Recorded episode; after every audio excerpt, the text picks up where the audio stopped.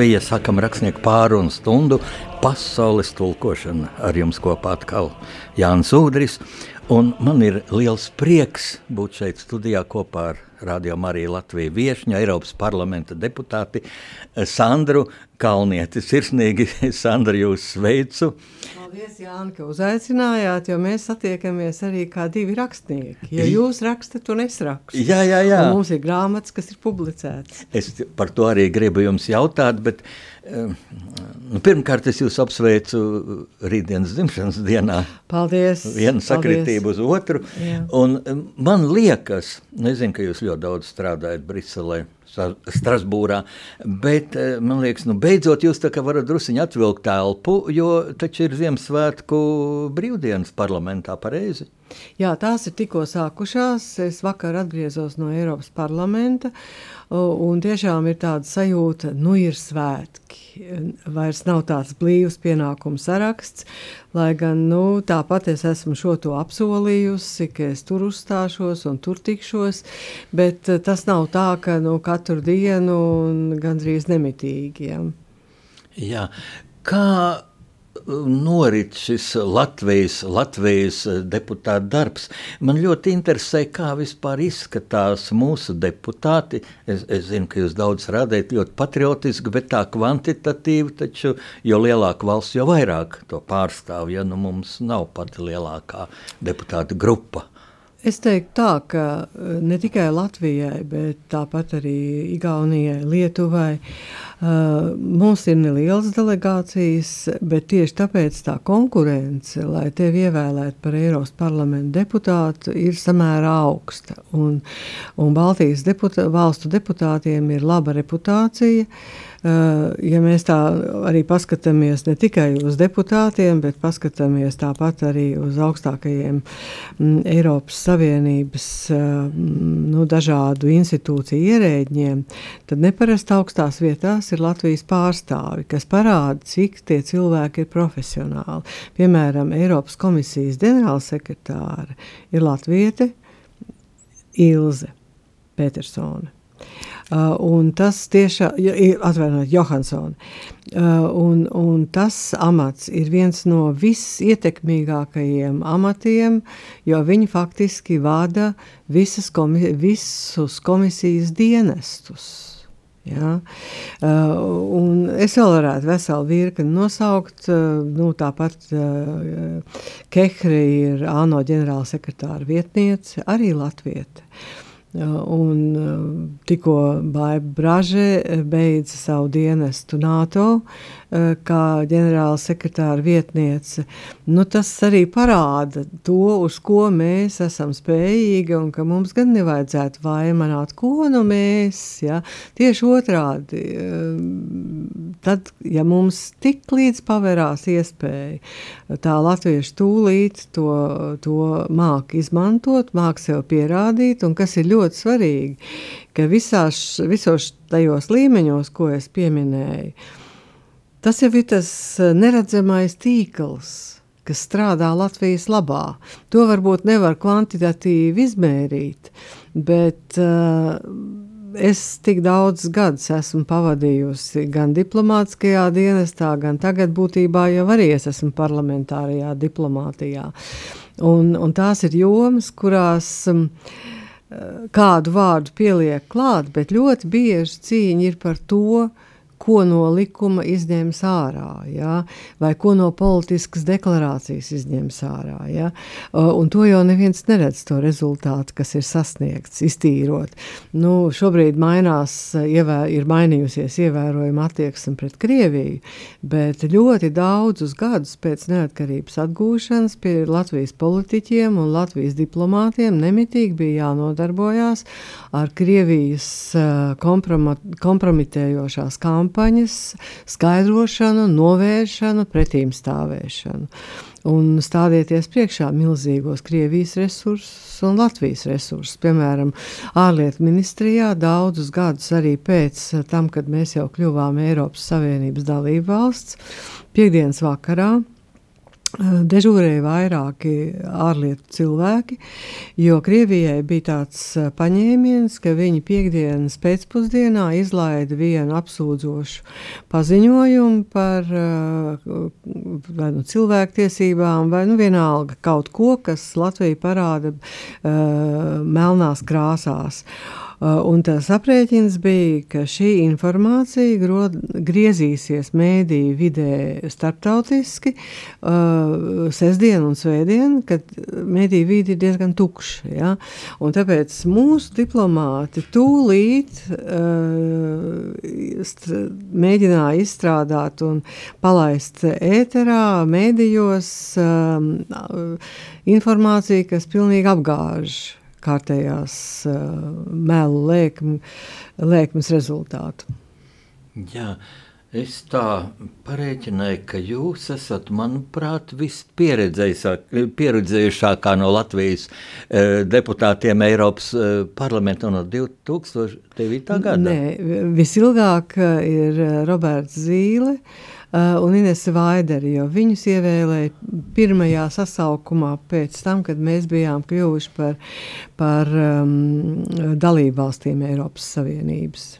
Jā, bet jums ir milzīga pieredze uh, Nu, nu, man ir pirms kā... tam liela starptautiskā pieredze, jo es esmu pabijusi, eh, es esmu pabijusi gan eh, vē, vēstnieka krēslā, es esmu bijusi ārlietu ministre, neilgu laiku e, Eiropas komisijas eh, locekle, komisāre. Es esmu kā ārlietu ministra sēdējusi pie Eiropas padomas galda, un tagad es esmu Eiropas parlamenta deputāte. Es esmu bijusi šajās trijās institūcijās un labi saprotu, kā tās funkcionē. Bez manis tāds, varētu teikt, vienīgi vēl Valdis Dambrovskis ir ar trīs institūciju pieredzi, jo viņš ir bijis kā premjeras padomē, Eiropas parlamenta deputāts un tagad Eiropas eh, komisārs, pie tam ar, ar Eiropas komisijas vēsturē visapjomīgāko, lielāko portfeli, ko viņš tiešām eh, ļoti, eh, nu, Viņš tiek respektēts starptautiskajās finanšu institūcijās, bet kas vēl ir ļoti svarīgi un ko klausītājiem es gribu īpaši uzsvērt, ka tieši tas, ka pašlaik šie finanšu palīdzības jautājumi Ukrainai ir uh, Valda Dombrovska portfelī, viņa atbildība. Viņam izdodas daudzas lietas pavirzīt uz priekšu, ne ar lielu neatlaidību, neatkāpjoties. Jo es varu iedomāties, ka, ja tur būtu mm, viņa vietā komisārs no kādas valsts, kas ir vairāk dienvidos vai tālāk uz rietumiem, piemēram, Pireneju pussalā, uh, Tur tā izpratne par Ukraiņas kara uh, nu, izšķirošo nozīmi Eiropas nākotnē būtu daudz, daudz mazāka. Ja?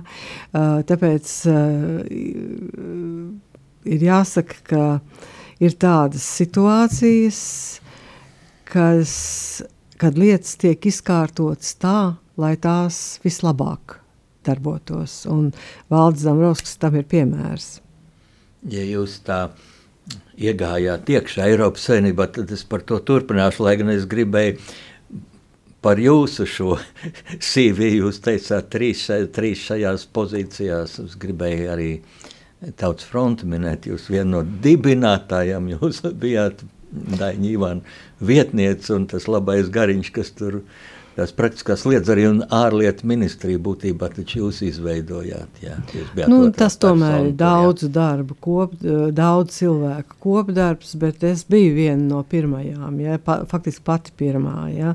Bet uh, tas ir tāds īpašs posms, ko ļoti grūti cilvēkiem vien, kas šodien strādā ārlietu ministrijā, pat iztēloties, kā tas bija. Bet es to esmu aprakstījusi, nu tā, nu, varbūt ne ļoti pamatīgi, bet atcerēt tādas spilgtākās epizodes. Man ir tāda atmiņa grāmata, kas saucās Cinītis. Nosaukums ir tāpēc, ka es savā mm, darba dzīvē es esmu redzējusi, kā arī mazs cinītis var gāzt liels vezums. Un es gribēju pastāstīt par tām cinīšu epizodēm, kuras ir ne tikai, protams, manā dzīvē, tādas ir daudz cilvēku valsts um, darbinieku dzīvē, kas ir ļoti tuvu pie nozīmīgiem vēsturiskiem procesiem. Es neesmu bijusi tā. Nevienmēr es esmu bijusi tā, kuras tas uh, pieskāriens ir tas izšķirošais, bet es esmu bijusi starp tiem, kas ir ļoti tuvu tam izšķirošajam pieskārienam un palīdz to gatavot. Jā, es klausos Un es dzirdu jūsu milzīgo pieredzi un arī tādu nu, latviešu mentalitātes īpašību, kas nu, laikam jau gan laba, gan arī citām tautām tāda nebūtu. Nu, tā jau, eh, mēs jau visi kopā, es jau viens neko. Un man bija šī problēma, ja, ja es mūsu tādā ļoti draudzīgā sarunā varu atcerēties pirms nedēļas. Man bija man jaunā romāna prezentācija, un tur šausmīgi man slavēja nu, šausmīgi. Un es stāvu priekšā un es domāju, bet visi, kas tur ir, nu, visi, visiem es esmu sūtījis ielūgumu. Ja? Neviens nav tā no ielas, nekur nebija sludinājums, nāciet. Ja? Un es taču varu runāt ar saviem cilvēkiem, es viņiem saku, jūs saprotat, es šitā jūtos, ja ko lai dara. Bet par laimi Es biju sazinājies pirms ar Bruno Jovaišu, kurš pirms 60 jā, gadiem tieši jā, pacēla radio turnī uh, sarkanu baltu sarkano karogu. Un es viņu aicināju uz to prezentāciju, bet viņš jau bija aizbraucis uz Tartu, kur dzīvo. Un, Un viņš bija prezidentam Rinkevičam, kad Rinkevičs viņu pieņēma, teica, es tik nesauciet man pa varonu. Kādam taču to bija jāizdara? Ak, Dievs, šitie vārdi, kādam to bija jāizdara? Un es viņiem saku, uh, kad es šos vārdus patapināju no, no, no, no, no Bruno, un, un es viņam rakstu, Bruno, tu tomēr esi varonis, beidz lausties. Es to nekad neizdarītu. Kaut man no augstuma ir bail, un, un es neesmu tik drošs. Ja? Un, un tad galīgi nē. Un viņš man raksta, tu zini, varonis bija tālaus taurētājs. Bet es izdarīju tik to, ko man bija pienākums darīt. Un, ja tu saki, ka kad, tu to nevarētu, es pasolīju tūkstošiem lietu, ko es nevarētu. Piemēram, tu uzrakstīji romānu, un tas ir tas, ko es nevarētu. Paldies tev! Un tā es domāju, tas varbūt tādā izējums arī tā vajag. Jo, jo ja jūs nebūtu bijusi tur, jūs taču sākāt tautas fronti, kad sāk dibināties, jūs bijāt uh, mākslinieku savienībā. Nu, Ģenerālsekretāri. Jā.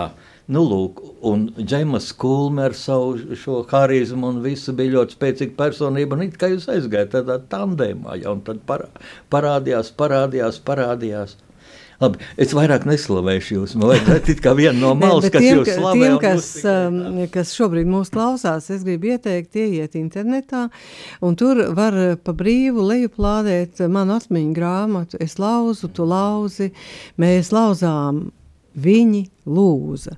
Uh, un tā nav atmiņa grāmata par to, ko es izdarīju. Tā ir atmiņa tiešām stāsts par to, kā mēs to izdarījām. Pie tam tas uzsvers ir uz kā.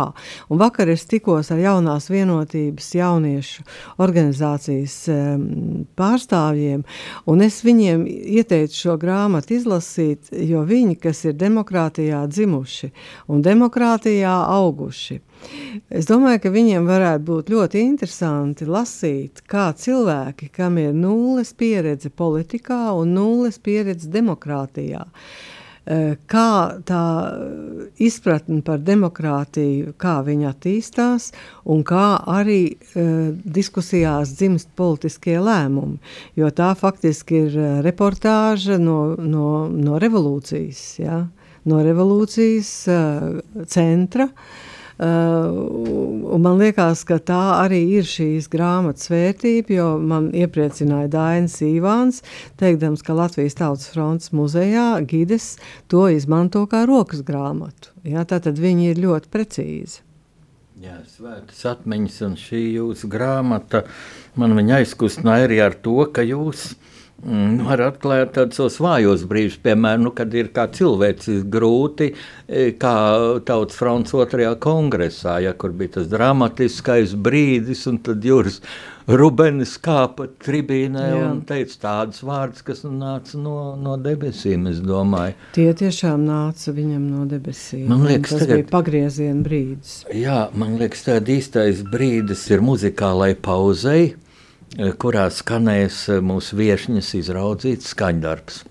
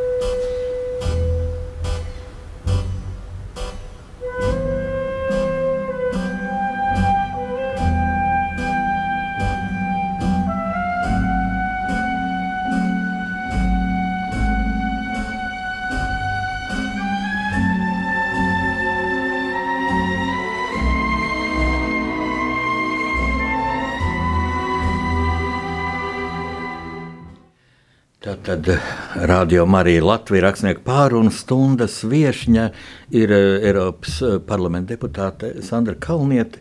Mēs eh, pirms šīs muzikālās pauzes atcerējāmies tautas fronts dibināšanu un jūsu mm, politiskajā darbībā Lai gan man vairāk jūs tā kā asociēties kā diplomāti, tomēr, tas jau saistās arī bez politikas, eh, nav iespējams iekļūt Eiropas parlamentā. Ļoti labi, ka jūs tur, tur esat.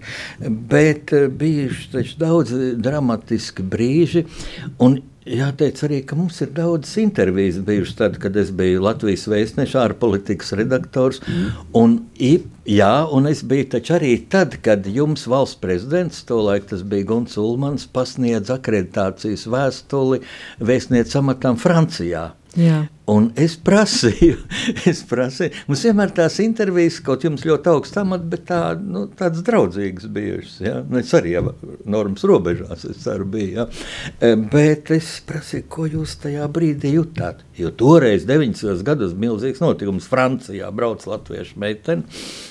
Piedodiet, dāma, meiteni, jūs nebijāt, jūs bijāt um, Kalnietes kundze.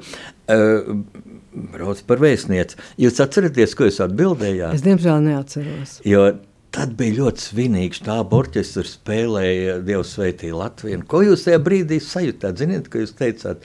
Jūs teicāt, man nācās ar sacīs, un es jau teicu, Sandra, tu nedrīkst raudāt. Jā, man tas ļoti aizkustināja. Jā, nu man jau vēl ar vienu ir tā, vairs gan ne katreiz, bet Uh, ik reizi, kad es tādā īpašā, svinīgā notikumā dzirdu Dievs svētī Latviju, es jau neesmu piedzimusi ar šo himnu. Uh, Jūs uh, piedzimāt Sibīrijā. Jā, un, un man, man ir jā, jā, jākontrolē savus saviļņojumus. Piemēram, es ik gadu braucu uz politiski represēto cilvēku salidojumu ikšķilē. Ja?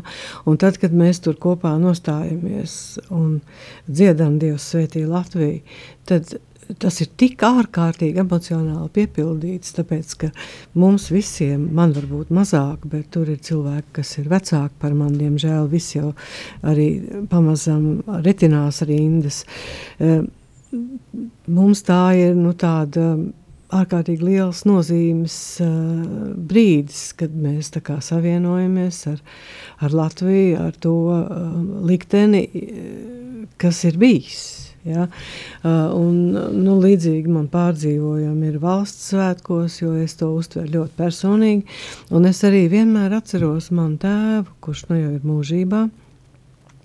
Jo valsts svētku nedēļā uh, nu, viņš ar ierobežotu mm, kustību brīvību. Viņš ik reizi, lai cik viņam bija slims kājas, viņš cēlās kājās, kad televīzijā skanēja Dievs svētī Latviju.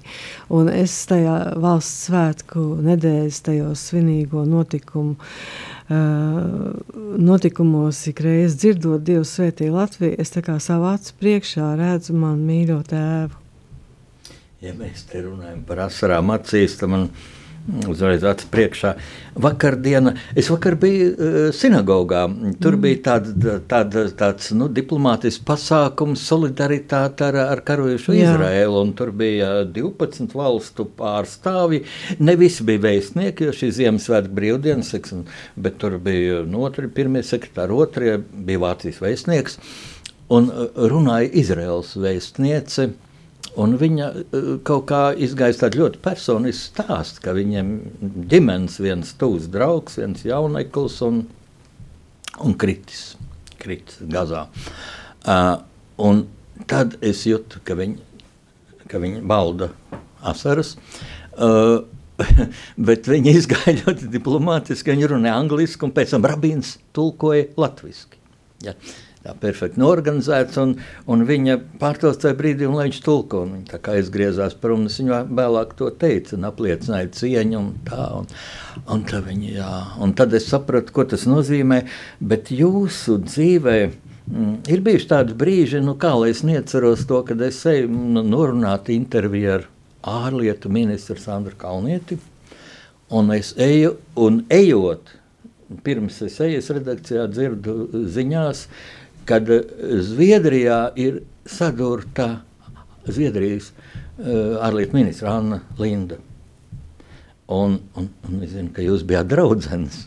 Bieži tas bija, tas bija ļoti, ļoti tāds, uh, smags brīdis, un es domāju, ne tikai tiem, kas bija Annai Lindai tuvu, bet tas bija, viņa bija ļoti cienīta ārlietu ministra, Eiropas ārlietu ministru sabiedrībā. Uh, jo, jo pats tas bezjēdzīgais, uh, pat tā slepkavība, jo tas bija kāds no, no Balkānu valstu bēgļiem, kurš bija uzņemts Zviedrijā un kurš Annai Lindai atriebās par, par NATO operācijām. Tur pie tam mm, pilnīgi, pilnīgi nepelnīti. Uh, un tas apdraudējums, kas vispār ir pieaudzis eh, ļoti lielā mērā pasaulē. Latvijā mēs dzīvojam uh, samērā mierīgos apstākļos. Neskatoties uz to, ka mums tagad kopš pāris gadiem ir pasliktinājušās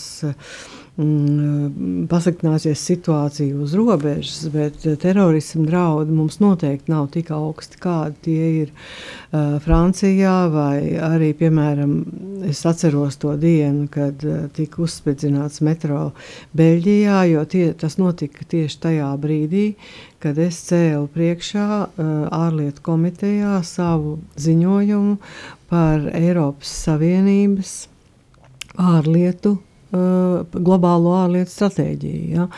Un, un, Un es runāju, un es nesaprotu, kas notiek. Jo pēkšņi ir tā, tāds, žur, tāds troksnis, visi deputāti sāk telefoni zvana un tā tālāk. Ja?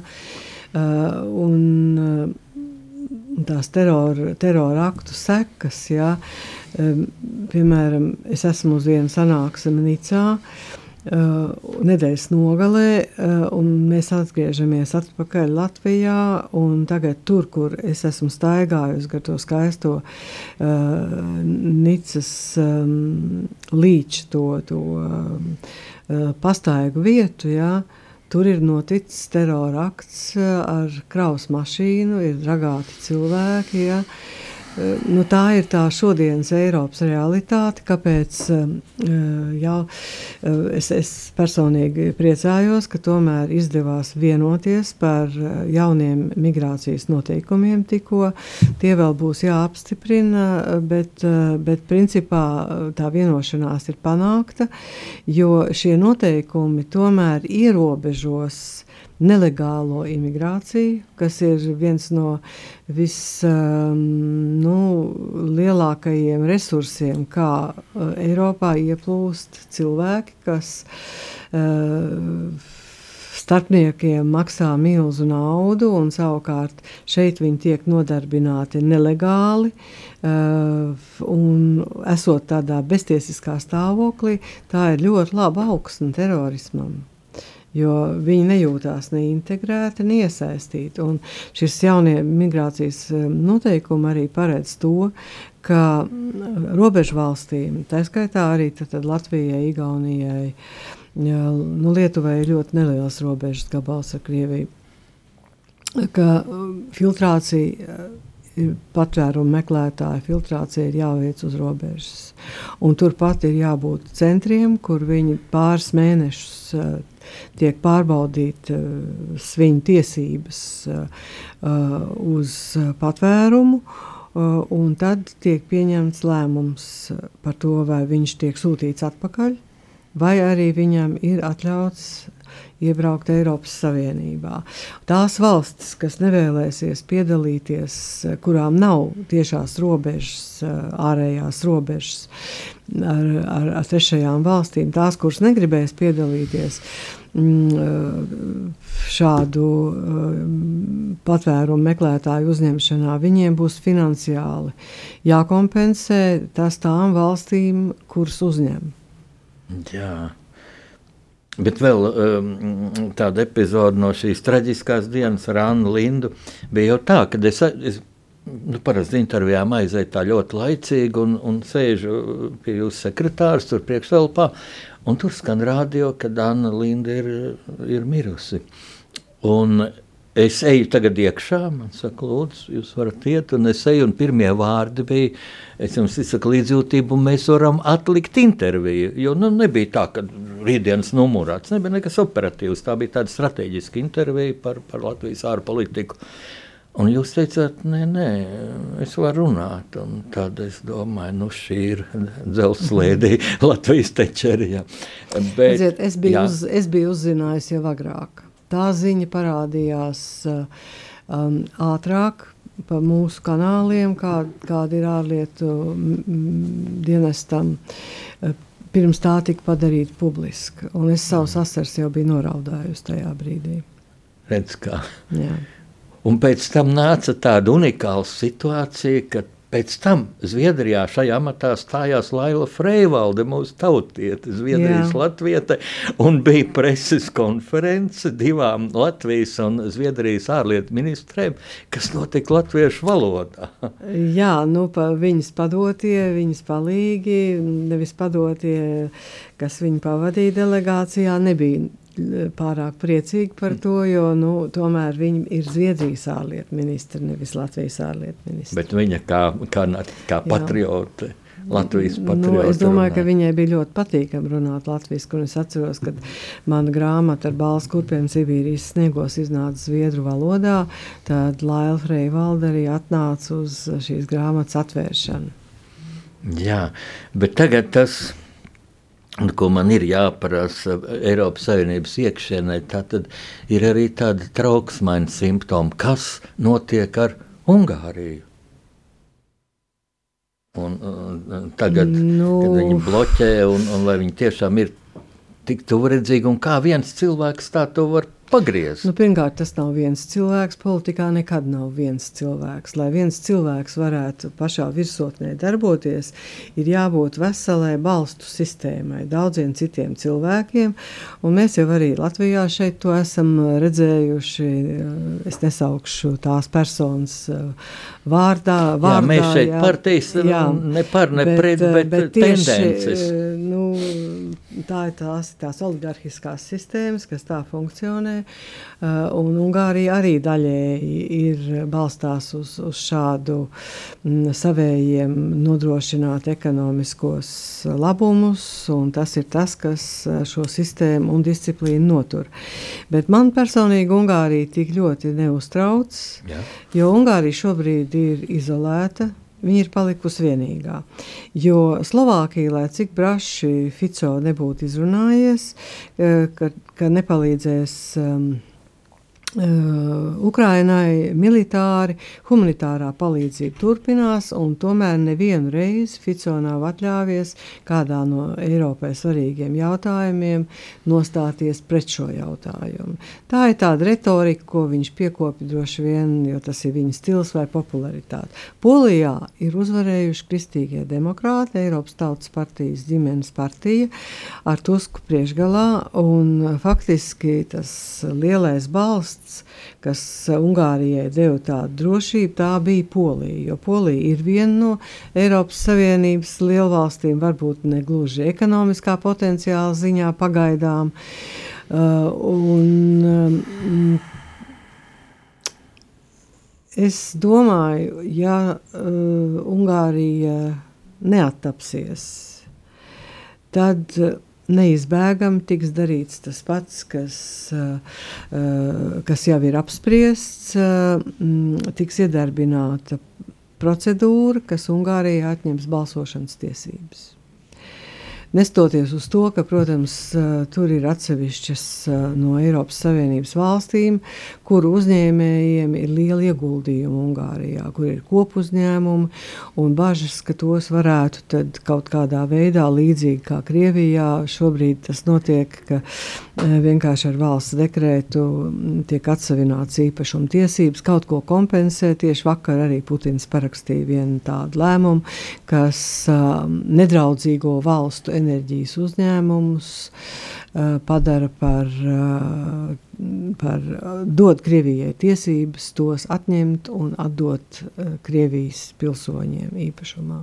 Tā kā Eiropas Savienībai teiktu, ir tāda, tāds gaismas stariņš, kad šo jā, nu, piemēram, runājot darbu, par tiem ļoti svarīgajiem 50 miljārdiem, kuriem um, Orbāns uzlika veto. Uh, Ir jau arī uh, iespēja, ka, jo šie 50 miljardi jau netika ņemti no pilnā apjomā no budžeta Eiropas Savienības. Uh, tā ir nauda, kuras veidošanā piedalās arī divpusēji uh, dalību valstis. Nu, tagad tas notiks divpusēji. Uh, izstrādās plānu, cik kura ir gatava maksāt, Vairāk lai sasniegtu to summu, uh, kas ir nepieciešama līdz 27. gadam, lai Ukraina varētu uzturēt savu valsti. Jo tā nav militārā palīdzība. Militārā palīdzība vēl nāk no citiem avotiem un galvenokārt no, arī no Amerikas Savienotajām valstīm. Bet, uh, un, un, un, un tas tiks nodrošināts, jo tā nauda, uh, arī tā, kas tika piešķirta, jo es arī biju par to atbildīga, jo šogad bija 18 miljardi. Uh, Viņi jau neizmaksā vienā reizē. Viņi nāk tādās pakotnēs, ja, 1,8 miljardi, 3 miljardi. Ja. Nu, atbilstīgi tam, kādas ir tās reālās vajadzības, kur tā nauda ir jāiegulda.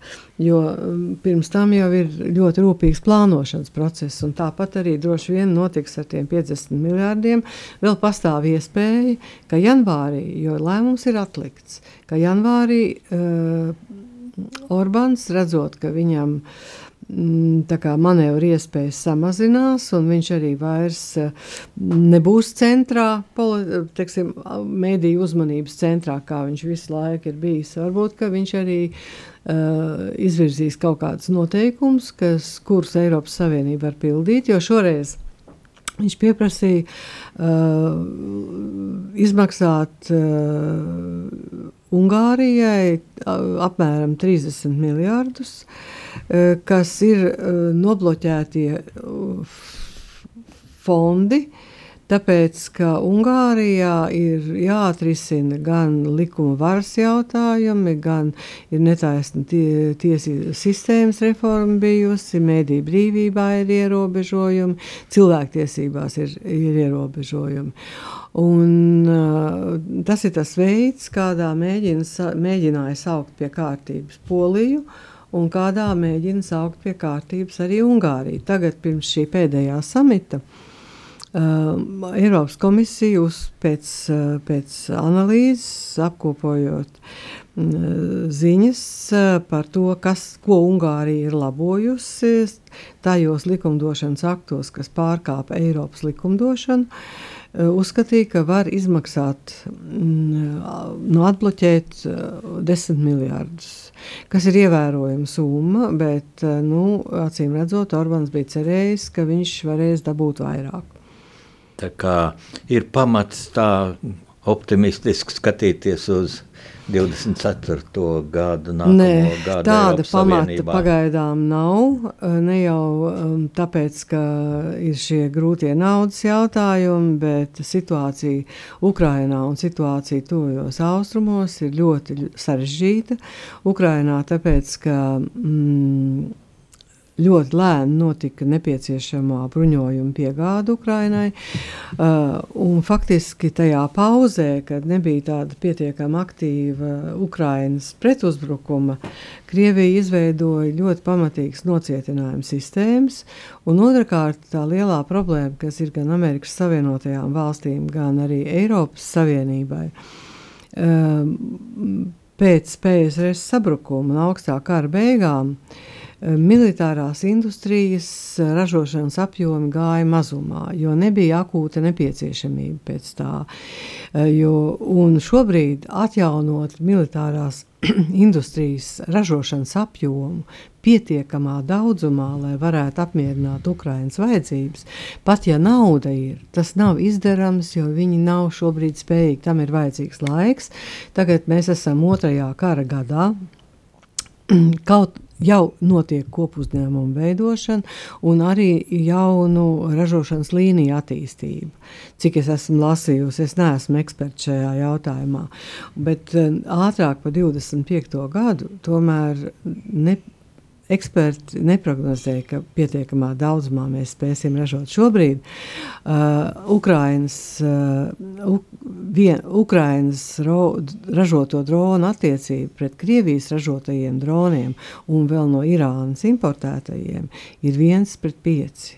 Ja? Uh, nu, arī Ukraiņa ļoti intensīvi pašlaik attīsta savu militāro industriju, kur tai ir, bija, jau bija mantojumā, bet tā tiek intensīvi modernizēta.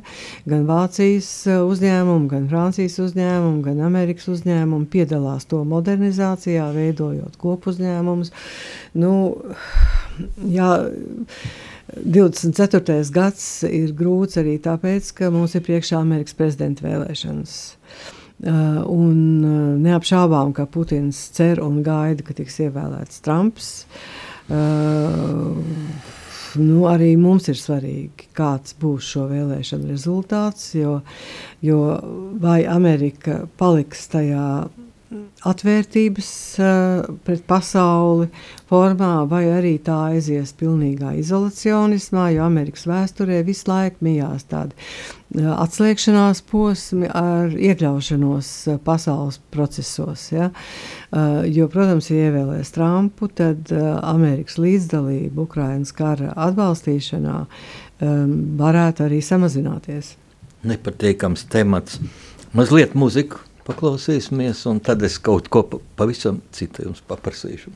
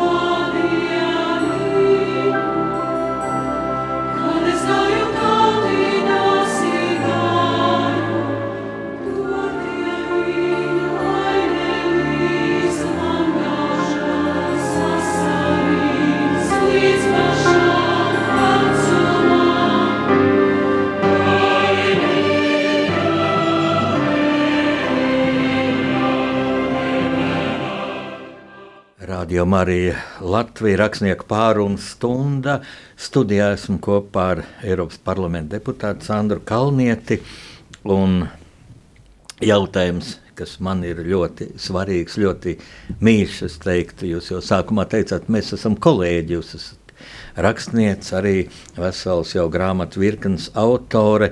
Un šajās grāmatās nu, tas unikums ir. Uh, Nu, viens jums, protams, ir talants rakstīt. Ir cilvēki, kas, kas nu, nevar divus teikumus uzrakstīt. Nu, tomēr bet, tas ir liels un nežēlīgs darbs. Jā, bet man ir tāda sajūta, vai jūs nesākāt rakstīt. Nevis tā kā, nu, nu, nu, nu man ļoti gribās, tas ir izklaidējuši. Tas nav viegli, ja rakstīt, nu nav viegli. Bet ka jūs jutāt tādu pienākumu pateikt to. To, nu, protams, to pirmo atmiņu grāmatu es uzrakstīju par Latvijas Tautas fronti. Tieši tāpēc, ka man ļoti sakaitināja uh, tā grāmata, kas bija nopublicēta. Uh, tās paviršības dēļ, jo uh, šīs grāmatas sastādītāja un arī tajās daļās, ko viņa pati bija rakstījusi, viņa pat būdama vēsturniece nebija pat paskatījusies uh, laikrakstos, kur viņa varētu nepieļaut šīs kļūdas un precizēt. Ja? Un es do, un tad es nolēmu, ka jā, man ir jāuzraksta. Pie tam arī rakstot, es atklāju to, ka atmiņa ir, ir tāda matērija, uz kuru nevar paļauties. Ja? Un es ļoti daudz savus atmiņas epizodus pārbaudīju, krustu šķērsu dažādos laikrakstos, jo, jo, jo pēc tie notikumi, tad, kad viņus saliek tādā chronoloģijā, viņi konkretizē arī atmiņu ainu. Ja? Tas, tā, tā, tas tēls jau paliek bet uh, viņš paliek pareizajā vietā, nevis aizskrien uz priekšu vai aizskrien atpakaļ. Jo tas ir tas, ko es esmu novērojusi, ka tie cilvēki, kas raksta atmiņas kā tādu plūsmu, uh, viņiem parasti atmiņas ir sabīdījušās un pārklājušās. Ja? Uh, nu, ja par rakstīšanu, tad jūs jau to arī zinat, Jāni. Uh, ka es nezinu, cik jums, bet man apmēram uz vienu tīrakstu lapu ir no piecām līdz septiņām melnraksta lapām. Ja? Tas ir tas um, process, ka tev ir, um, ja tu vēlies tikt pie arvien spēcīgāka un spēcīgāka teksta, kas iedarbojās uz lasītāju, nu, ir nemitīgi jāņem ārā, ir jāatsakās, ir jāatsakās. Un tas diezgan dramatiski, jo reizēm tu esi pusdienas strādājis pie kaut kāda maza gabaliņa, jā, un tas ir tā izlolots un iemīlēts, un tad pēc tam tu lasi, un tu redzi, ka viņš ir liekas, ka viņš neko faktiski nedod tam tekstam, ka viņš ir tāda, nu, daudzvārd, glīta daudzvārdība, ja. Es, nu, tā es arī rakstu. Es atceros, ka pēc pirmās vai otrās grāmatas jūs vienā intervijā teicāt tā, nu, kad problēma jau ar laiku, kad mm. rakstīt, bet tad jūs to laiku atradāt lidostās, gaidot uz reisiem un klēpī dators uh, ceļiem un, un, un, un, tikai, un rakstat, ja, bet pēc tam, protams, izdruk. Man, man ir tā, ka man ir vieglāk uh, izdruku, ja uz papīra, es, es kaut kā datorā nevaru īsināt, un tā mm. man dators vispār nepatīk, atklāt man sakot, gan, ja. Man gan ļoti patīk. Aha. Es pat tad, kad vēl datoru mums mums nebija. Es neesmu ar roku strādājusi. Es esmu uzreiz rakstījusi ar rakstām. Rakstā, jā, jā, jo kaut kādā veidā pie, tas ritms, ko dod pieskāršanās taustiņiem, ja, viņš intensificē domāšanas ritmu. Un man tas ir diezgan svarīgi. Un, protams, un tad pēc tam tajā mašīnā rakstu lapā bija tā svītrošana, rediģēšana, pārrakstīšana. Entās reizes es pārrakstīju tos tekstus toreiz. Bet uh, tagad jau ir ļoti vienkārši. Tu izdzēsi vienīgais, kas. Uh, nu, pilnīgi, manuprāt, pazūd, jo agrāk literatūras zinātnē bija vesels tāda, tāda daļa, jā, ka pētījist, piemēram, Levu Tolstoju vai kādu citu no lieliem pasaules rakstniekiem, tad skatījās, un viņa pirmajā uzmetumā bija tā, bet vēlāk viņš tos trīs teikumus izsvītroja un to vietā ierakstīja vienu. Un tad pēc tam vesela disertācija par to varēja uztaisīt. Ja? Šodien tas viss paliek datorā. Uh, pie, pie tā atkritumu uh, krātuvē, ja, kur aiziet visi izdzēstie teksti. Protams, tādi perfekti datoriķi jau to varētu droši vien tur atkal savirknēt atpakaļ, bet tas eh, lielākoties nav vērts. Nu, varbūt tādām lielām zvaigznēm, es nezinu, kā Garcija Markes vai vēl kāds ja, no tādu mērogu rakstniekiem. Jā, uh, man bieži liekas, kas notiek ar šodienas literatūru, ka šī digitalizācija ienāk un, un jau mākslīgais intelekts, un droši vien drīz parādīsies grāmata, kur sarakstīs mākslīgais intelekts. Nu, Vai tas ir, ir vajadzīgs? Tādas jau ir. Jā. Nu, Tas, tas nav no mums atkarīgs. Diemžēl. Tas notiek pats par sevi. Uh, un, uh, nu, man kolēģi man ir rādījuši, kā izskatās viens mākslīgā intelekts. Es pati to um, nelietoju, lai, lai formulētu kaut kādus tekstus. Um, bet um, viņš ir ļoti, tas teksts ir ļoti, ļoti pareizs. Ja? Nevarētu teikt, ka viņš ir nabadzīgs, bet viņš ir. Varbūt, ja es nezinātu, ka tas ir mākslīgais intelekts, varbūt es nebūtu tik subjektīvi vērtējis, bet man viņš liekas absolūti plakans. Sterils. Jo, jo, jā, pilnīgi sterils. Jo mēs jau tad, kad runājam, mums katram ir uh, izņemot droši vien valodniekus, kas ir kopuši savu valodu, kam tā ir profesija. Ja? Mums jau valoda ir piesārņota ar visādiem maziem vārdiņiem, un tur ir nepareiza vārdu kārtība. Tad mums ir vārdi, kurus mēs uh, gribam akcentēt, tur ir intonācijas un tā tālāk. Un, un ja runa izliek rakstiski, tad vienmēr var redzēt, cik tā ir netīra, cik tur ir daudz lieka. Uh, un, um, es, piemēram, esmu mēģinājis ierunāt savu grāmatu, nu, savu kaut kādus tekstus. Uh, tas ar mani tas nedarbojās. Jā, es domāju, nu, jā, mākslīgais intelekts, bet kur būs dvēsele, kur būs pārdzīvojums, un šeit man nāk prātā jūs, protams, pirmkārt jūs grāmata ar balvu skurpēm Sibīrijas sniegos. Un kā tas ir, jūs tur daudz mammas atmiņas, tā, bet jums jau arī kādas atmiņas, kaut pavisam maziņa meitenīte jūs bijat. Vai Ziemassvētkus jūs atceraties, vai tur Jā. bija eglīte jums? Jā, es atceros. Apkārt tikai... eglis Sibīrijā, ja kādu jau nocirtēts. Nu, mēs jā. jau sāģā dzīvojām, jā. Uh, bet, uh, jā, bija eglīti, tā, uh, tie bija pēdējie Ziemassvētki pirms mēs pavasarī varējām atgriezties uz Latviju. Un tos Ziemassvētkus es atceros arī tāpēc, ka um, es pastrādāju lielu, lielu palaidnību, jo daudz pie durvīm. Un, uh, un vecāki saka, ka vecmāmiņa kaut kur pazudusi. Nav vecmāmiņa. Ja?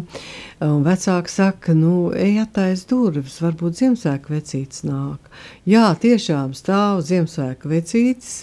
Un es bez vilcināšanās, bez bailēm metos viņam bārdā un saku, Omīt, metot mētlot no mutes ārā. jo es viņu atpazinu. Un tad, protams, man strostēja, kā tu tā, un vecīts eh, tev tagad žāgarus un vēl kaut ko. Un es, protams, eh, es nenoticēju. Es izlikos uh, pragmatiski apsvērumu dēļ, jo citādi es nedabūtu tās dāvanas. Ja? Es izlikos, uh, ka es esmu noticējusi, bet pēc tam jau es katru gadu vecmāmiņai prasīju, vai tā bija tu, un tā arī viņi man neatbildēja. Pat jau nu, pienāca brīdis, kad es to vairs neprasīju. Man tas tāpat bija skaidrs, ka tā ir viņa. Bet nu, tas Ziemassvētku vecītis tik ļoti apvainojās, ka viņš vairs nekad nenāca pie manis. Pēc Kā? tam, kad es biju viņa plēsusais bārds. šīs bezgalīgi mīļās bērnības atmiņas, kaut nu, nu tā situācija Krievijas āģā, es domāju, latviešu, latviešu jā, mentalitāte nu, bija traģiska, bet vienalga kaut kas skaists bija, jā. jūsu nē, nu, ģimenes protams, lokā. Mums ir arī fotogrāfijas, tāpēc, ka mans, man vecāki jau tajā pēdējā gadā, jā, eh, kad jau bija notikusi Staļina, sākusies Staļina kulta atmaskošana, mans tēvs bija kļuvis par tās vietējās kopu koku materiālu rūpnīcas galveno elektriķi. Uh, mums bija, viņam bija pietiekami pieklājīga alga, ka viņš varēja atļaut, nu, pie, ko nozīmē pieklājīgi, bet, nu, katrā ziņā viņš varēja pat nosūtīt savam bārenim brālim, kas bija palicis viens Latvijā, jo viņš to brīdi, kad ņēma ģimeni ciet, viņš nebija mājās, un vecmāmiņa noteica klusēt par to, ja, un viņš palika pie savas vecmāmiņas, ja, Un vecmāmiņa nomira drīz, un viņš mazs puisītis palika viens. Nu, viņa pieņēma labu cilvēku, bet mans tēvs varēja aizsūtīt naudu. Viņš arī bija nopircis fotoaparātu, un man ir fotografijas no tā laika, un arī no tās eglītes, ja, kur es mamma man uztaisīju, uz tādu, toreiz bija modē mazām meitenēm tādu rullu uz galvas uztīt, un man, un, man ir rokā tāda zīmuļu kastīte, kas man ir uzdāvināta, un, un, un eglītē ir svecītas. Un tās tās ir skaistas atmiņas. Sakiet, bet turpmākajā dzīvē, ārzemēs vēstnieces amatā, ministra amatā, dažādās valstīs jūs esat strādājusi. Tur arī ir tādas epizodes, vai tas jau aiziet tā, nu, mēs zinām, ka Ziemassvētku vecītis ir omīte. Ah, redziet, tie pirmie mani gadi pēc neatkarības, kas pagāja Ženēvā un Parīzē, tādos ļoti svinīgos brīžos. Es atceros, kā mēs svinējām apaļu Latvijas jubileju, senāta, Francijas senāta, tajā svinību zālē ar Kremerata Baltika. Uh, un es atceros to, kā es stāvēju, un es skatījos, kā tajos spoguļos, tādā bezgalīgā virknē atspoguļojās tās kristāla lustras. Un man tas likās tik ārkārtīgi neticami, ja, ka es šeit esmu, ka mēs svinam Latvijas jubileju. Jo, jo tas nemaz nebija, tas bija 90. gadu kaut kad 8. Nu jā, 8. gads, 18. 8. gads, ja. Uh, pavisam nesen vēl tā neatkarība bija iegūta. Un vēl ar vienu tas tā brīnumainā sajūta bija saglabājusies. Un tāda brīža, protams, man bija. Es jums tikko vienu izstāstīju, un tur man arī bija sev jā, nu, ļoti jāsaņemās, līdzīgi kā Izraels vēstniecei, lai man nebūtu asars acīs jā, no saviļņojuma. Tādu brīžu ir bijis ļoti daudz manā dzīvē, un es uh, esmu laimīga par to, jo es, piemēram, atceros to triumfu sajūtu, skatoties, kā paceļās uh, Rīgā, paceļās svinīgi Eiropas Savienības karoks. Jā. 1. maijā dienā tā bija tāda īpaša ceremonija Doma laukumā. Es atceros uh, to brīdi, kā es redzēju šo karogu paceļamies pie NATO mītnes. Nu, tādi brīži, tie ir vienreizēji brīži. Un tad eh, tā tu īsti vari novērtēt to, tās lielās liktenes dāvanas, kādas ir piešķirtas. Jūs esat dzimusi nu, ļoti, ļoti zīmīgā laikā, Ziemassvētku priekšvakarā. Reizē arī nu, vairāk mums šogad ne, nebūs eh, saruna šeit, rādījumā arī Latvijas ceru, pēc tam būs vēl daudz. Bet ko jūs novēlētu Latvijas tautai 24. gadā? Latviešiem ir jākļūst vienam pret otru laipnākiem. Jātic sev, jālepojas ar sevi, jo mēs esam tik grūtam laikam izgājuši cauri. Mums aiz muguras, ja mēs paskatāmies, ir simts gadi, un no tiem simts gadiem mums labi, ja normāli ir bijuši 30 gadi.